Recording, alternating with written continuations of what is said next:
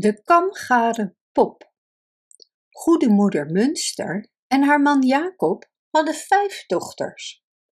Natuurlijk hielden ze zielsveel van hen, maar ze wensten toch vaak een zoon. Dan zou hij me kunnen helpen in de winkel, zei Jacob, die poppenmaker was. Niet dat ik een van onze meisjes zou inruilen voor een jongen, voegde hij eraan toe.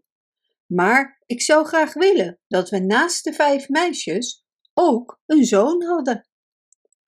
Of de ooievaar dit gesprek tussen Jacob en zijn vrouw hoorde en aanstoot nam omdat ze zijn oordeel in twijfel trokken, of dat hij dacht dat Jacob en zijn vrouw genoeg kinderen hadden, weet ik niet. Maar de ooievaar kwam nooit meer aan hun deur en hun dochters groeiden op tot vrouw zonder een broer te hebben. Op een dag haastte Jacob zich vanuit zijn winkel die achter zijn huis was.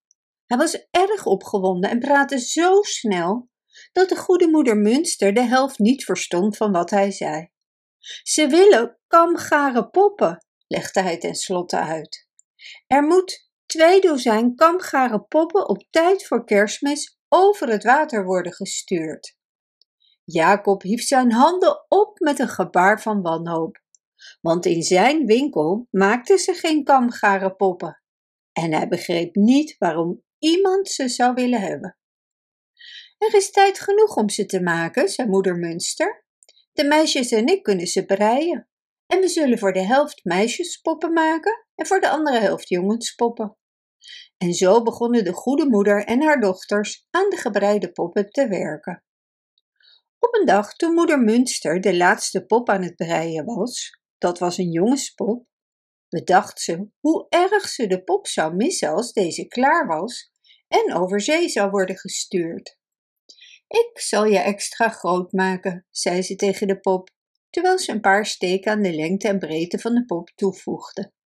En als ik kon, zou ik een tong voor je breien, zodat je kon praten.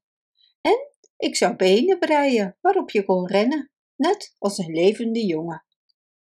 Moeder Munster breide zoals ze het net had bedacht.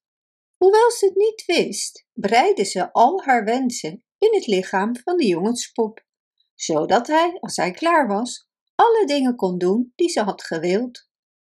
Maar hij was een wijs kereltje en verraadde zichzelf niet uit angst dat hij niet met de andere poppen over het water zou worden verscheept, want hij wilde juist graag de wereld zien. Het was een lange reis naar de andere kant van de oceaan. En de jongenspop dacht dat er nooit een einde aan zou komen. Maar uiteindelijk werd hij uit de grote koffer gehaald en met andere poppen in een etalage van een grote winkel gezet. Ik zou willen dat iemand met me zou praten, dacht de jongenspop. Maar de andere poppen zeiden geen woord en omdat hij niet de aandacht wilde trekken, zweeg hij ook. Op een dag kwam er een dame de winkel binnen en nam de jongenspop met haar mee. En op een avond werd hij op een boom gezet, die was versierd met glinsterende gouden slingers. Na een tijdje kwam een klein meisje de kamer binnen en toen ze de pop zag, riep ze uit: Oh, ik hoop dat deze jongenspop voor mij is. Dat hoop ik ook, dacht de jongenspop, want ik weet zeker dat jij met me zult praten. En ja hoor, de pop werd aan het kleine meisje gegeven. Ik ben zo blij dat je voor mij was, zei ze tegen de pop, want ik heb echt een vader nodig voor mijn poppenfamilie.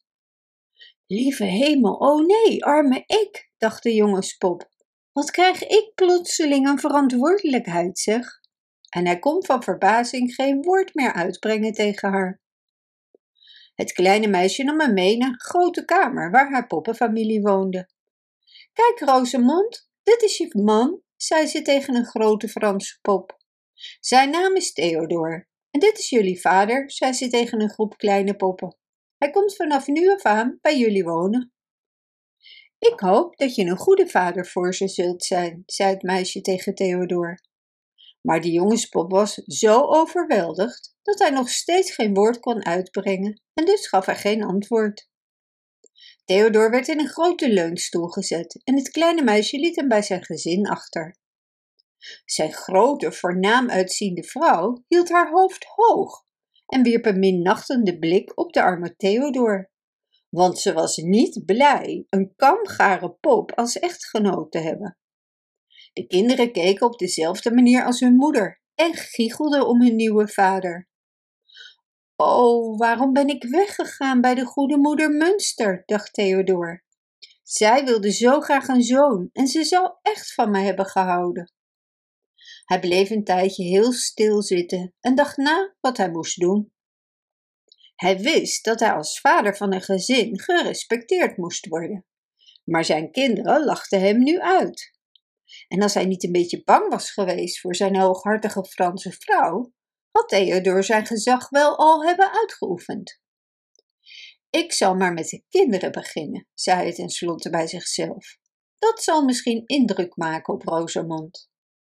Dus terwijl de kinderen giechelden en fluisterden, sprong Theodor plotseling op uit zijn stoel.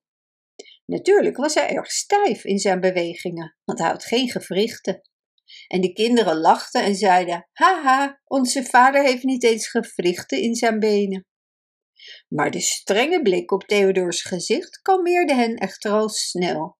En tegen de tijd dat hij bij hem was, zat de schrik er behoorlijk in.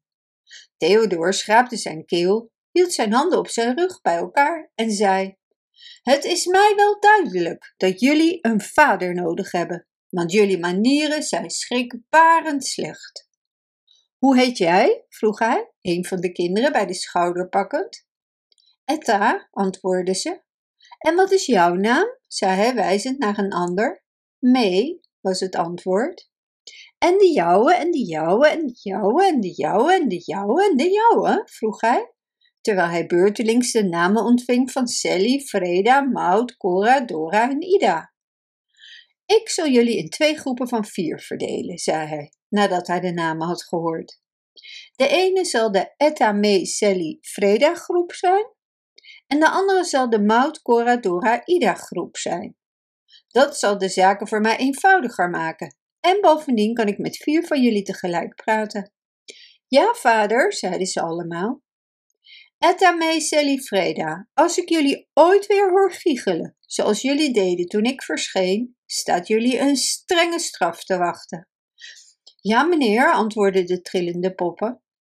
Maud, Maud, Cora, Dora, Ida, zei Theodor met strenge stem. Ja, vader, antwoordde de tweede groep.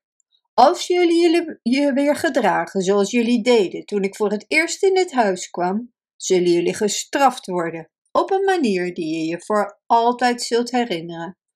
Ja, meneer, antwoordden de vier poppen. Theodor wendde zich af en liep met alle waardigheid die hij kon opbrengen naar zijn vrouw.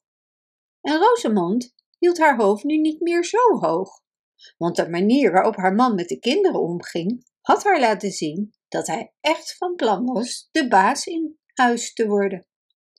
Wanneer gaan we eten? vroeg hij. We hebben geen vast uur, antwoordde ze.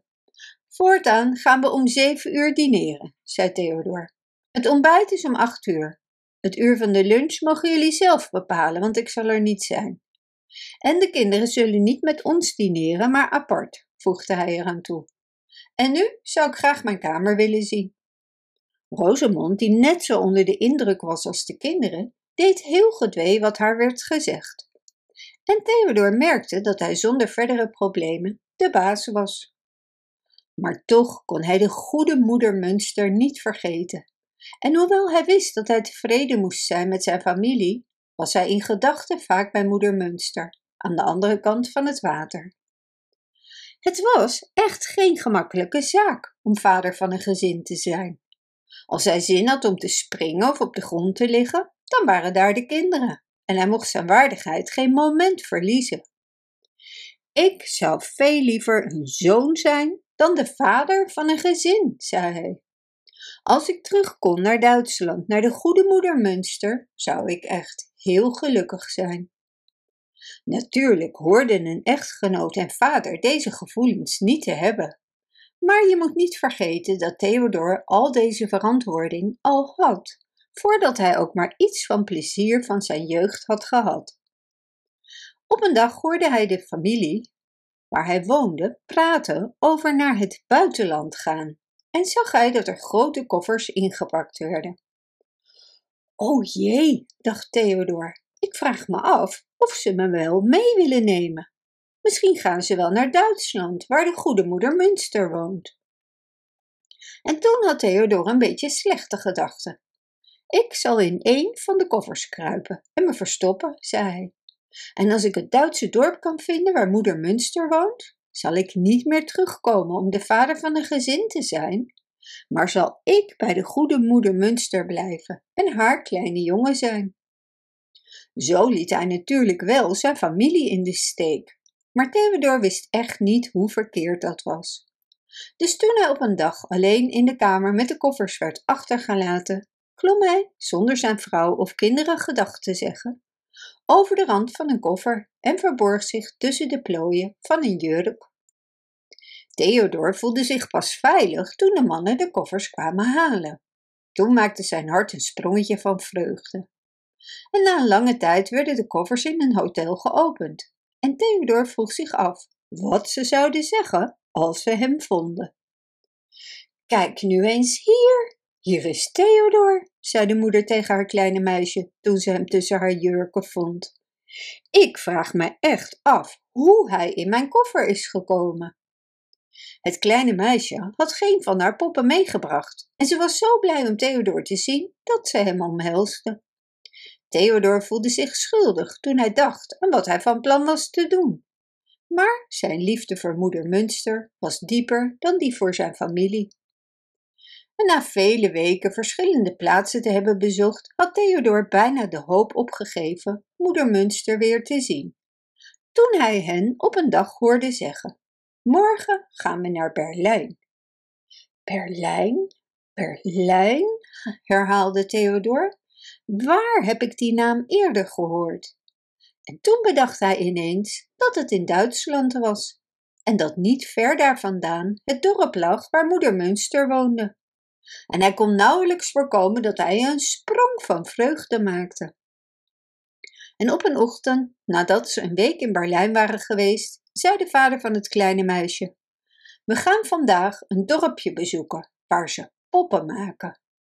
Ik zal Theodor meenemen, zei het kleine meisje, want ik wil net zo'n pop als hij, maar dan een meisjespop. Ze reden een heel eind met de trein en toen nog met een rijtuig en stopte uiteindelijk bij een huis. Theodors hart bonste zo luid bij de aanblik van het huis dat hij bang was dat ze het zouden horen. Dit huis was namelijk het huis van de goede moeder Münster. En daar in de deuropening stond de lieve oude dame zelf. Ze gingen naar de keuken en het kleine meisje zette Theodor op een kist die in de kamer stond. En door de opwinding van het zien van de poppenwinkel vergat het meisje hem mee te nemen. En zodra Theodor alleen was, gleed hij van de kist en verstopte zich erachter. Toen het kleine meisje terugkwam uit de winkel, had ze een grote pop in haar armen en was ze Theodor helemaal vergeten. Een paar dagen later, toen moeder Münster haar keuken aan het schoonmaken was, verplaatste ze de kist. En daar stond Theodor met zijn armen naar haar uitgestrekt. Moeder Münster pakte hem op en zei: Wel, wel, het is mijn jongen. Hoe ben jij hier ooit gekomen? En toen dacht ze aan het kleine meisje. Ik hoop dat ze je niet op laat halen, zei ze. En ze hield Theodor stevig in haar armen. Dat hoop ik ook, zei Theodor. En hoewel hij niet hardop sprak, leek moeder Münster het te begrijpen. Je zou liever hier wonen, nietwaar? vroeg ze. Ik zal je op deze stoel in de hoek zetten en jij zult mijn kleine jongen zijn. Alle meisjes hebben nu een eigen huis. Jacob en ik zijn erg eenzaam. Kijk, Jacob, zei ze toen hij de deur binnenkwam. Hier is de kamgare pop die ik heb gemaakt om over het water te sturen. Hij is teruggekomen om bij ons te wonen. En dus hebben wij nu eindelijk een zoon. Jacob glimlachte. Hij had niet veel met kamgare poppen. Maar hij greep Theodor bij de hand. Je hebt een lange reis gemaakt sinds je hier bent vertrokken, jongen, zei hij. Je kunt moeder Münster en mij alles vertellen over wat je hebt gezien, als we met z'n drieën op de lange winteravonden bij het vuur zitten. En zo vond Theodor een vader en een moeder en hij leefde een gelukkig en vredig leven en werd niet gestoord door de zorgen en verantwoording voor een gezin. maar soms droomt hij. En wordt hij wakker door zijn eigen geroep om Eta me Sally Freda of Maud Coradora Ida. Maar dan beseft hij dat het maar een droom is, draait hij zich om en gaat weer slapen met een tevreden glimlach op zijn gezicht, die duidelijk zegt: Theodor, jij bent een gelukkig man. Bedankt voor het luisteren. Wist je dat je dit verhaal ook op onze website ridiro.com/nl kunt lezen, downloaden en printen?